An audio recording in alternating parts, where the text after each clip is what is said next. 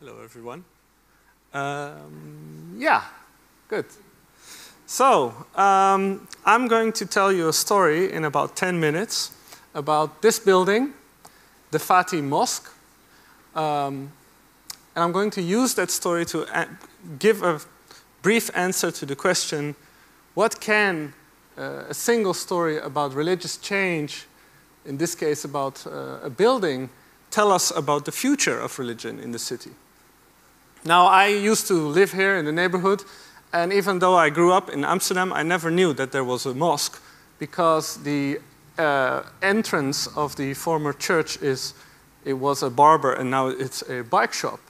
So I passed through it always, and, and one day I, I realized, oh, this is actually uh, a mosque. And uh, well, together with my colleague Daan Beekers, who is not here today, we did a research on the on this mosque, on its current usage, and on this history, and um, wrote an article about it. So I want to start the story about this building around 1900. What we see here is the last meeting of the Social Democratic League. And in the center, there is Ferdinand Domela Nieuwenhuis. That's the guy you know from the statue at Westerpark, you know, the, yeah. Uh, uh, a Protestant turned into an anarchist, socialist. And of course, they were expecting that soon religion would fade away and, you know, uh, kind of revolutionary, thanks to revolutionary politics, uh, a new world would come into existence. But that didn't happen because they had financial problems and they had to sell their building, Constantia. Uh, and this is at the Rozengracht, so at the same location where the mosque is now located. They had to sell their building. Uh, a cheese salesman bought it, uh, and he immediately sold it again to the Catholic Jesuit community. Uh, and you can imagine that the socialists were not so happy about that. They refused to give the keys.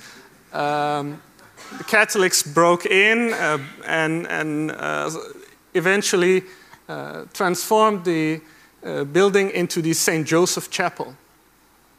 And at night, they put a cross on top of the building as a, to mark their victory over the infidels.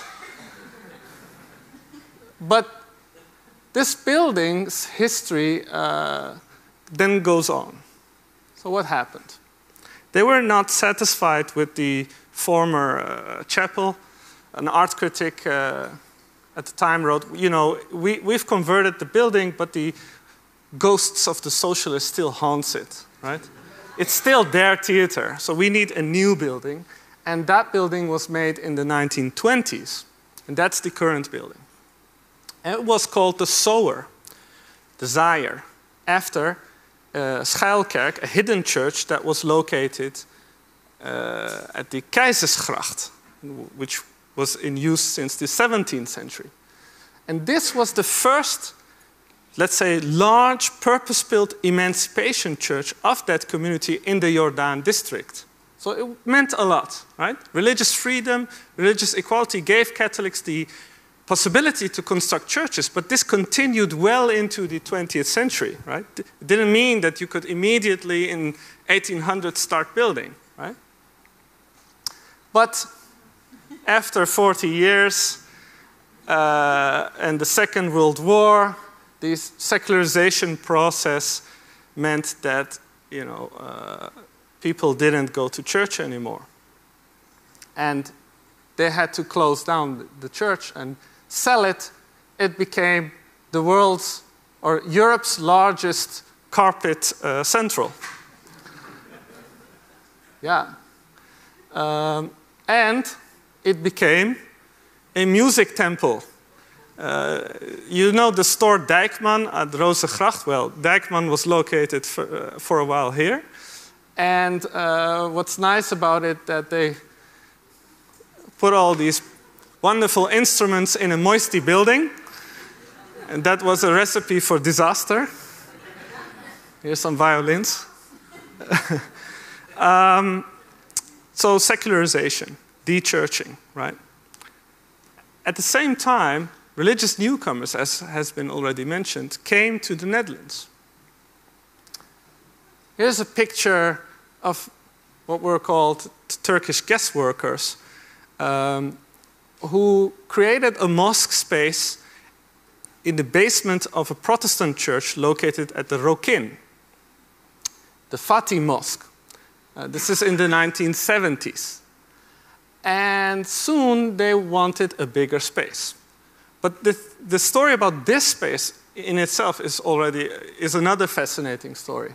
You see, that Protestant church where, that they used was built on the location where a former Catholic church uh, was located, uh, the Holy Stead, uh, and which was a very important uh, location thanks to a miracle that happened in Amsterdam, which I'm sure you have heard of.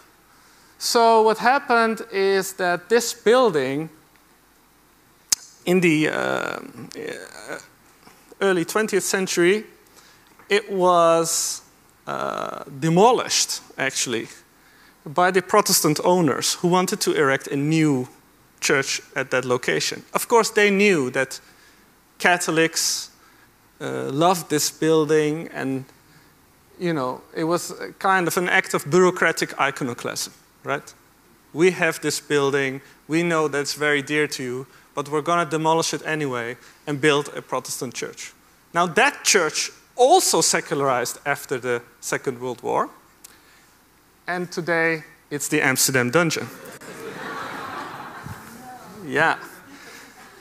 And so this building was used by the Muslims in the 1970s, who then uh, moved to the Rozengracht, and they converted the sower, the church, uh, into uh, a mosque. And because of the Qibla, the direction towards uh, Mecca, is in the opposite direction that the Catholics used to pray, they had to close the uh, former church entrance to pray in the other direction. And that meant that the church that was so spectacular, right? The church that meant that Catholic visibility was a fact, uh, became a mosque that is not so visible because, well, people don't recognize the building as a mosque and the entrance was closed. So, here too, you can see that elements of the former uses are there, right?